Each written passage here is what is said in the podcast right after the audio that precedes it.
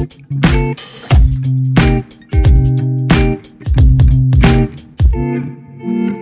it. Ryan Reynolds here from Mint Mobile. With the price of just about everything going up during inflation, we thought we'd bring our prices down. So to help us, we brought in a reverse auctioneer, which is apparently a thing. Mint Mobile unlimited premium wireless. Ready to get 30, 30, bit to get 30, bit to get 20, 20, 20, bit to get 20, 20, bit to get 15, 15, 15, 15 just 15 bucks a month. So, Give it a try at mintmobile.com slash switch. $45 upfront for three months plus taxes and fees. Promo rate for new customers for limited time. Unlimited more than 40 gigabytes per month. Slows. Full terms at mintmobile.com.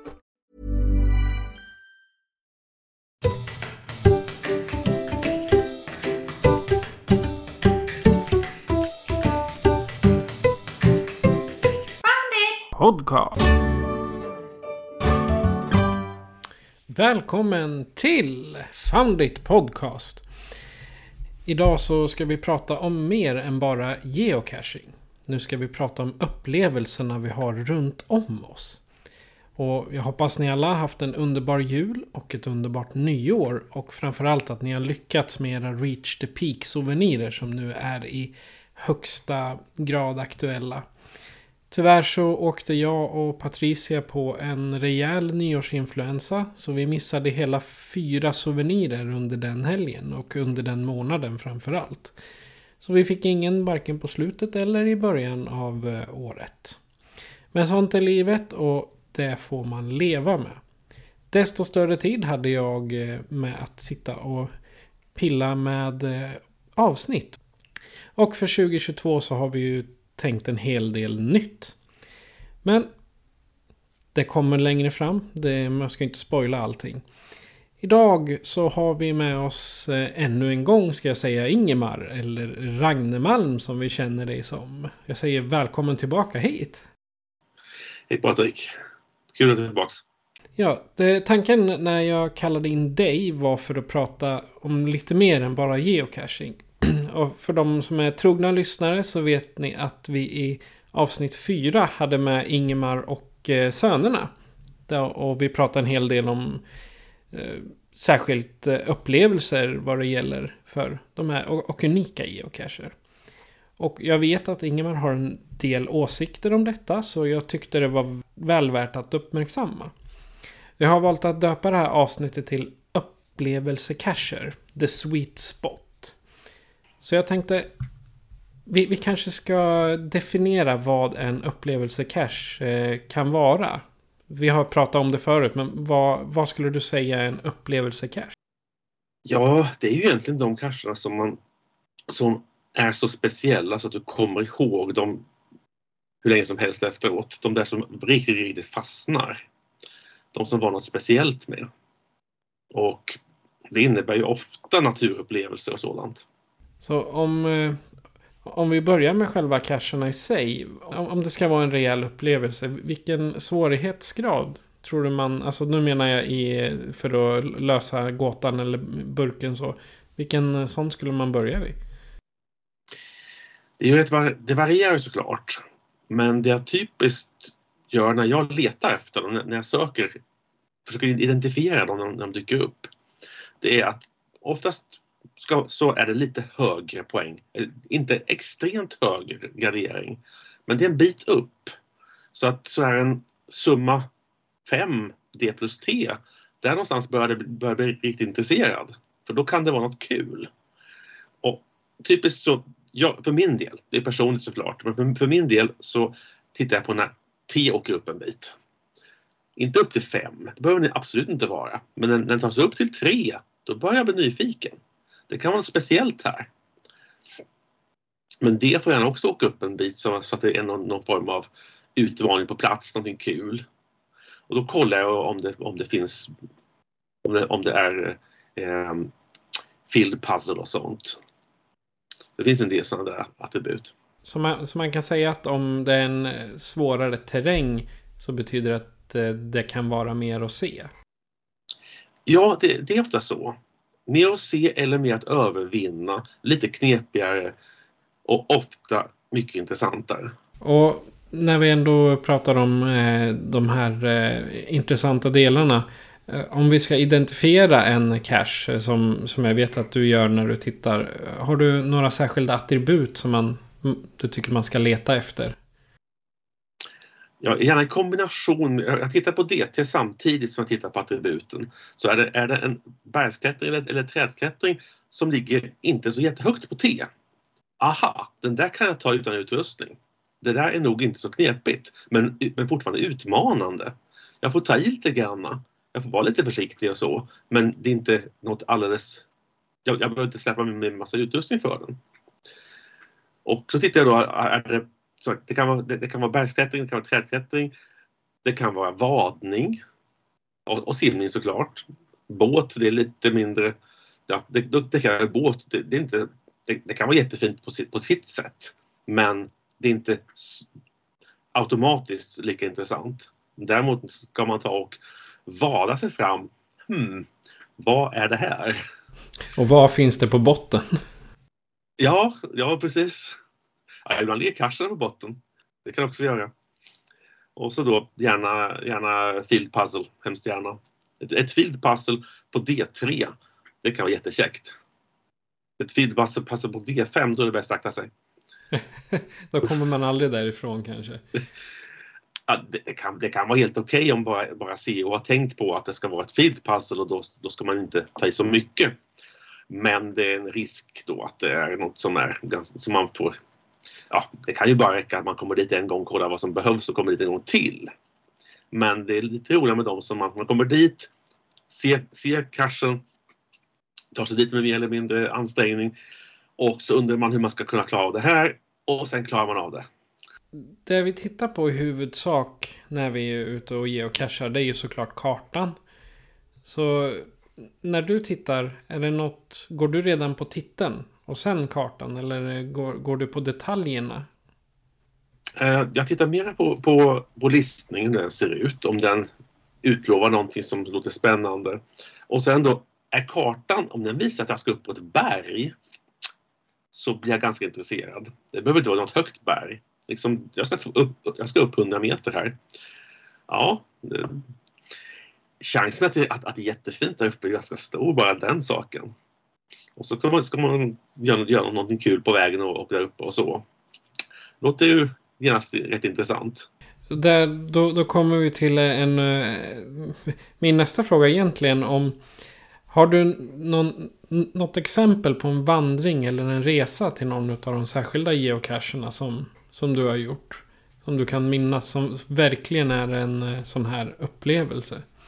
Jag har snarare så många sådana så att jag fick sova lite grann.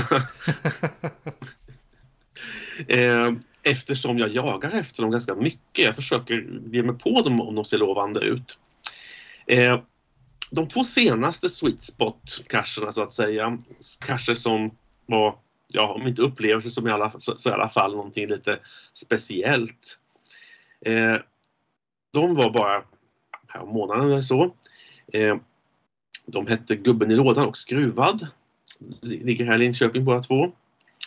Och Gubben i lådan det var en T4 D3. D, säga, D4 T3.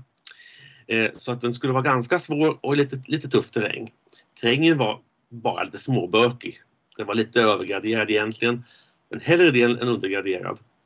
Och så kommer man då fram till själva lådan som ska hanteras och är så här lite hmm, skumt vilket fint bygge, men hur, hur gör man nu? Och så börjar man försöka lura ut hur man ska få upp den där och efter en stund så gick det. Typiskt ganska bra.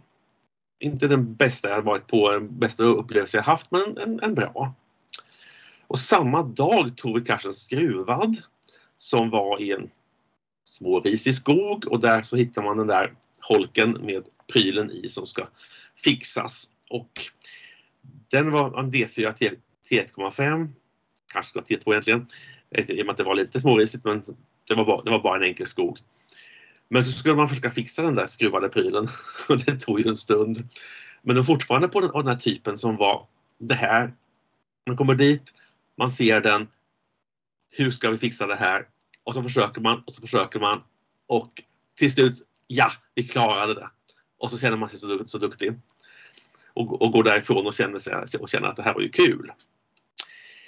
Men sen så har vi då de där, det är två stycken som är relativt lågt T då, som inte är så utmanande på, på terrängen men lite terräng på den första i alla fall. Men sen har jag två stycken som jag tänkte plocka fram som är hög, höga T på. Inte extremt höga. De var inte, inte på något vis ohanterliga för, för vanliga människor. Dels har vi raviner vid Ågelsjön. Ra, ravin, ja det är som en gigantisk spricka och, och, och eh, där det hänger stora klippblock ovanför en. Och att bara ta sig dit, det är ju en häftig stig upp. Och det här var en, en, personlig sak. Vi gick fel väg. Ska vi gå tillbaka till att hitta rätt stig? Då sa min dotter som var med, nej, vi klättrar upp här. Rätt upp i ingenstans och bara får, får iväg. Ja, vi hakade på och eh, ja, vi kom ju fram. Och det är lite extra äventyrligt. Och lite extra kul och bra. Och så har jag en till som är riktigt, riktigt personlig. Den heter Säters Dundervin. Det var den första kars vi tog i Norge. Och det är en grottkars. Och den ligger på den väg, på den stig där, där eh, flyktingar flydde till, till Sverige un, under andra världskriget undan tyskarna. Så att vi följde den stigen och eh, hittade platsen där den, den, där den svenska posteringen hade varit, där som de tog hand om, om flyktingarna. Ljuvlig plats med badsjö och allting. Och på vägen tillbaka, ah, nu tar vi och, och, och tar den här avstickaren till den här karsen som verkar ligga borta. Den verkar knepig men vi försöker ändå. Och vi tog oss ner i den där grottan och, och, och fixade den. Och hela den, det, det var ju sån här, verkligen vägen. Grottan var ju fin. Men att följa den, den där flyktvägen hela vägen och veta att här är gränsen och, här patrullerar tyskar som, som sköt efter, efter flyktingarna. Och allt sånt där. Bara historiens vingslag som man säger. Just, vi hade en liknande sån där eh, som din, eh, den du beskrev skruvat. Då var vi ute i skogarna här runt Eskilstuna. Och hittade en eh, låda med en fastsatt skruvmejsel på.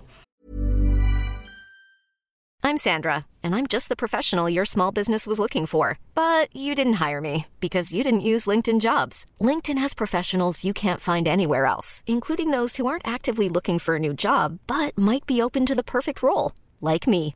In a given month, over 70% of LinkedIn users don't visit other leading job sites. So if you're not looking on LinkedIn, you'll miss out on great candidates like Sandra. Start hiring professionals like a professional. Post your free job on linkedin.com/achieve today.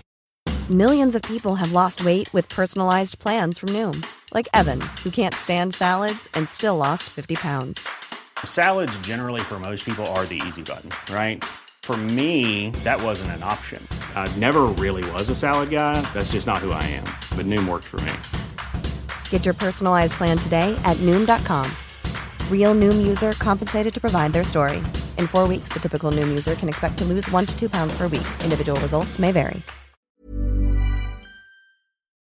Ja, så vi började skruva upp lådan. Och när man eh, har fått av locket då står det haha du har hållit i cashen hela tiden.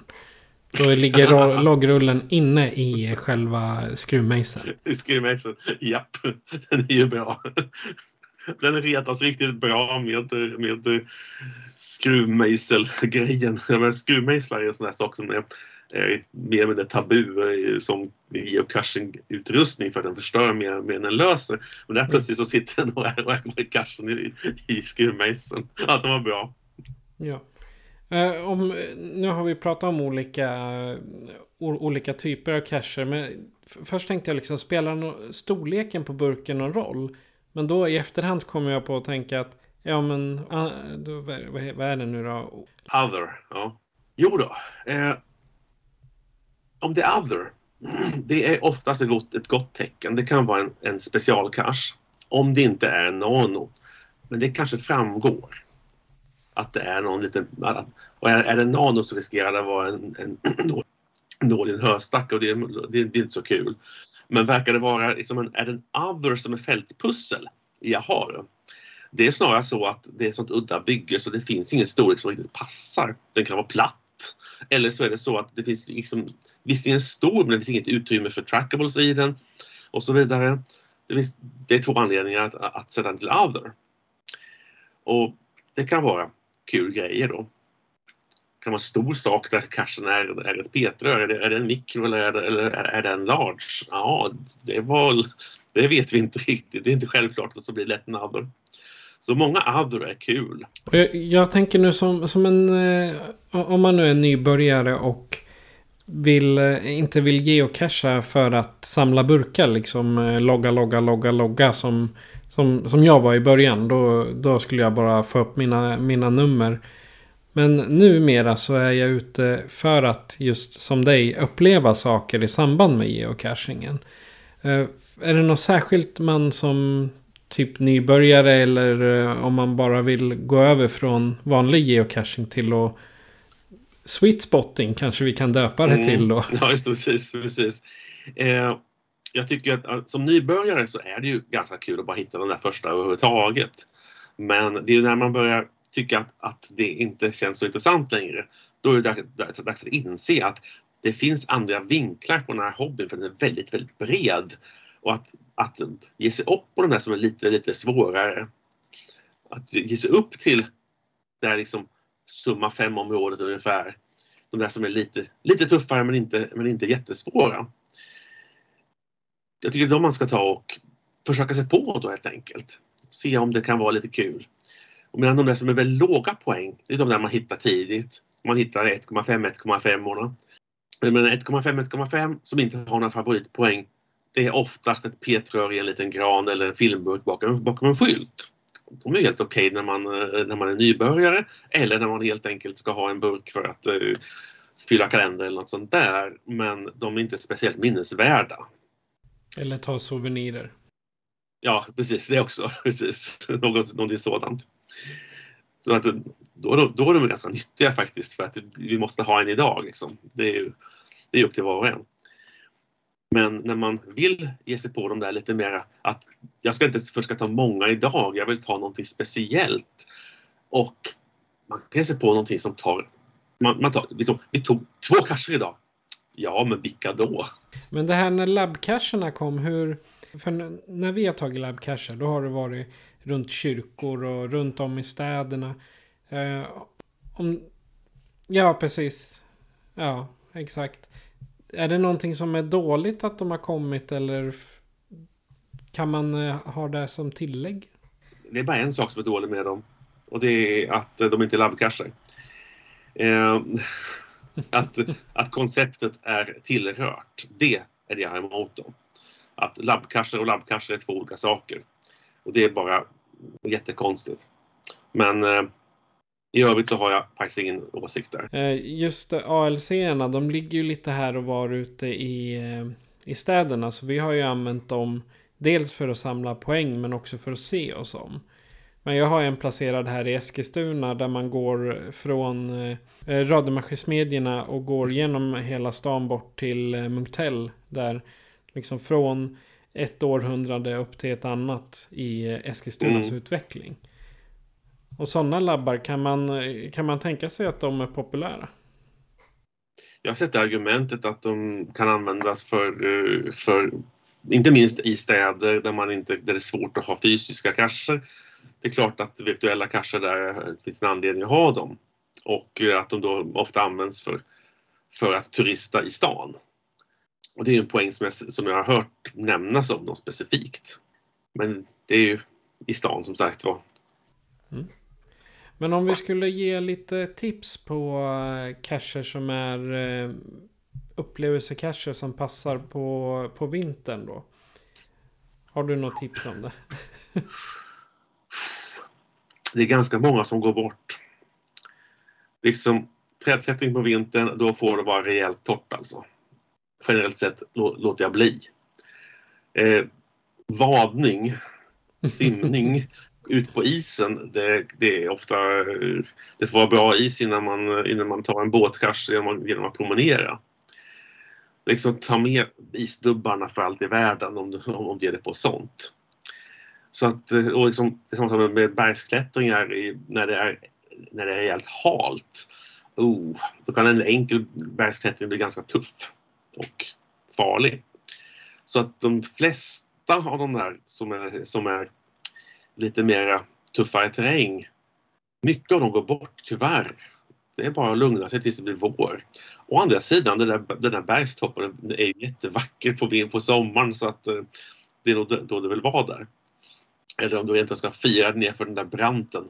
Att göra det med sommarvinden i håret, alltså åh oh, så skönt det är. Medan när man däremot ska, ta man ner där när det är sen höst eller något sånt där, uh, nej, inte lika kul. Men om man är ute i skogen och så då på de här T5 som kan vara. Även om man inte klättrar i trädet. Är det, är det läge att kliva runt ute i skogen när det är vinter? Det kan vara en vandringsled eller vad som. Ja, alltså jag har pulsat i snön på vintern det, efter en krasch. Det är ju egentligen nästan så att en, en del av de där lätta blir ganska, blir ganska utmanande när det är, när det är, när det är tre decimeter snö. Och ska man hitta dem under snön också. Det är faktiskt ibland mera, mera kul än besvärligt. Så att jag tog ett par sådana där, sådana kalenderluckor och sådant mitt i vintern. Ja, nu ska vi ut någonstans här. Ja, det är, no, det, det är någonstans här. Det är vitt. Och så tittar man runt. Det är lite, lite lucka där. Så kollar man. Bing! Burk. Ja, det var faktiskt inte så dumt. Så att sommaren, det, det är då man kan ge sig i kast med klättra och fira och de här lite mer avancerade cacherna. I första hand då, ja. Medan, men, men det, är faktiskt, det är faktiskt så att de lätta cacherna på vintern, det är ingen dum idé. Det kan vara rätt kul. De blir lite mer utmanande då. Ja, och man, man ger sig liksom... Eh, även om man inte hittar själva cachen i sig då kanske man njuter av naturen runt om. Det ska man i båda fallen inte glömma bort. Att naturupplevelserna är ju jättehärliga här alltså. Och att något som, något, något som lockar ut mig till en plats som är sådär jättehärlig. Det, det, jag hittar burken men det var, det var inte det som var viktigast. Jag stannade, stannade och fotograferade och så, eller så en stund. För det här var bara åh så härligt att jag kom hit. Det var så till exempel med den här ravinen. Att när man kom dit och kände att åh, att jag inte varit här förut. Mm. Vilken plats! Lagom eh, klaustrofobiskt kan jag tänka mig. Det kan det vara. Det kan det vara ibland. Jag menar, det finns de som absolut inte skulle ta sig ner i grottor jag menar, när man ska klämma in under en eh, halv meter hög, hög, hög glipa under ett stort klippblock. Eh, det är inte alla som gör det. Men eh, det har vi gjort, ja. Ja, men om du som lyssnare då har lite berättelser du vill dela med dig av. Eller om eh, du kanske har någon åsikt gällande upplevelser. Så kan du göra så här för att kontakta oss. Foundit Podcast presenteras av Patrik Norén och Patricia Lehmann. Patrik är producent. Besök oss på www.founditpodcast.se för att hitta var du kan lyssna på oss, hur du kan stödja oss och hur du kan kontakta oss. Tack för att du lyssnar. Nu skulle avsnittet normalt ha tagit slut. Men innan jag faktiskt slutar så har jag en liten förfrågan till alla lyssnare. Är det någon av er som vill bli en del av Foundit? Vi behöver nämligen en översättare och personer som är villiga att hjälpa till med det. Mer information kan vi lämna om ni finner det intressant. Så kontakta oss på founditpodcast.gmail.com eller direkt på någon av våra sociala medier. Och Ingemar, jag tackar för ditt deltagande och eh, många bra tips. Tack för att jag fick vara med. Det är kul. Ja, och jag hoppas att, eh, att folk nu lär sig att man kanske inte behöver samla burkar i tusental bara för att tycka geocaching är kul. Det kan vara bra att stanna upp och se sig omkring också. Och vi ska säga att det är inte något tvång åt något hållet utan man ska göra det, det man själv trivs med. Men det här är ett alternativ som jag tycker man kan liksom ha med sig att, att bredda sig med. När, man, när det passar, på det sätt man vill. Du har lyssnat på Foundit Podcast med mig, Patrik. Och jag, Ingemar. Adjö på er. Foundit Podcast.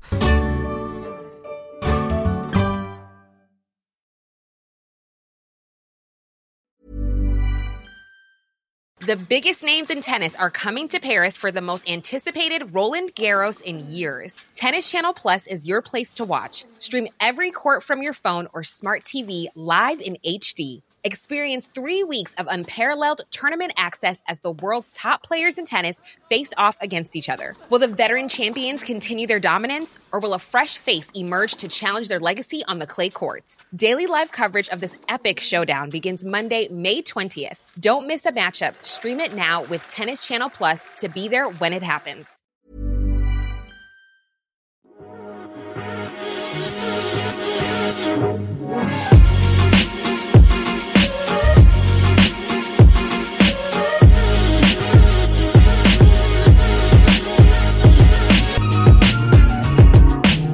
Found it.